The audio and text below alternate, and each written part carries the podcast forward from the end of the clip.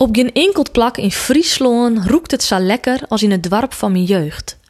Maar als hier in betiet, wielst hast het hele dorp nog op één eerlei, water bij de twee banketbakkers en bij de bescuit, toast en koekfabrieken al om raak bakt.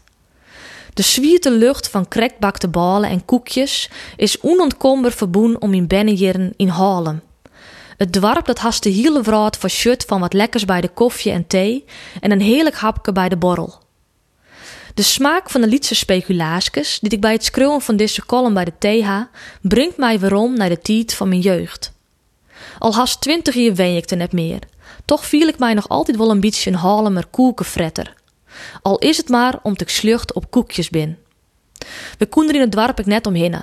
Als mijn zusjes en ik maar naar squallen roen, kwamen de zwierte rokus vaak op de mierte. De fabrieken stien op verskate plakken in het dorp. Ik eentje bij het spoekenpaad, dat wij delmassen op wijn en. Op verste dagen in de wieken stien de containers met koeken en oorbakkers vol onder de dik.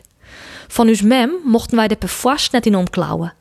De koekjes zagen er misschien wel heerlijk uit. Uw mem drukt dus op het het dat het net verneert in de Jiske amers bedarren wie. Toch wien er altijd wel squalbaan die het bij de kliko's nog even wat lekkers bij naar skarrelen voor het squalleskoft. En zelfs dienen we het ek wel Wij wisten donders goed dat er altijd op waarsjes een hele bak met hutwurden testzoekelaarje lei. Daar brieken wij altijd stiekem een grauwe brok aan en maken daar dan thuis lekkere poeiermalken van. Soms, als ik specifieke koekjes roek, sjug of preul, denk ik waarom om mijn jeugd in Haarlem. Dat principe werd ook beschreven door de Franse schreeuwer Marcel Proust in zijn masterwerk À la recherche du temps perdu. Of zat het boek in de Nederlandse oerzetting hiet Op zoek naar de verloren tijd. Proust beziekert een beeld van zijn verliezen te schetsen. En het doet blikken dat er zijn onthoud onzetten kind door een specifiek koekje te eten. Dat er in zijn bennetiet altijd kriegen van zijn oudmoike. Alle keren als er een petit madeleine, een liets cakeje in zijn bloesemthee doopt en opiet, komt er waarom bij zijn avonturen, gedachten en gevoelens van jartiets.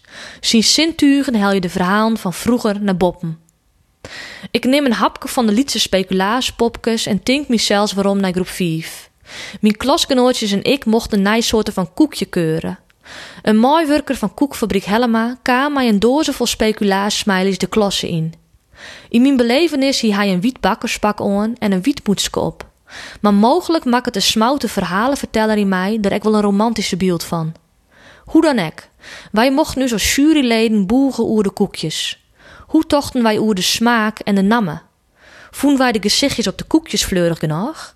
En wat wie uw mening oer de rede verpakking en de mini-poetsjes? Koekjes binnen de kaai naar de verhalen van mijn jeugd. Maar dat hield vanzelfs net voor snieën.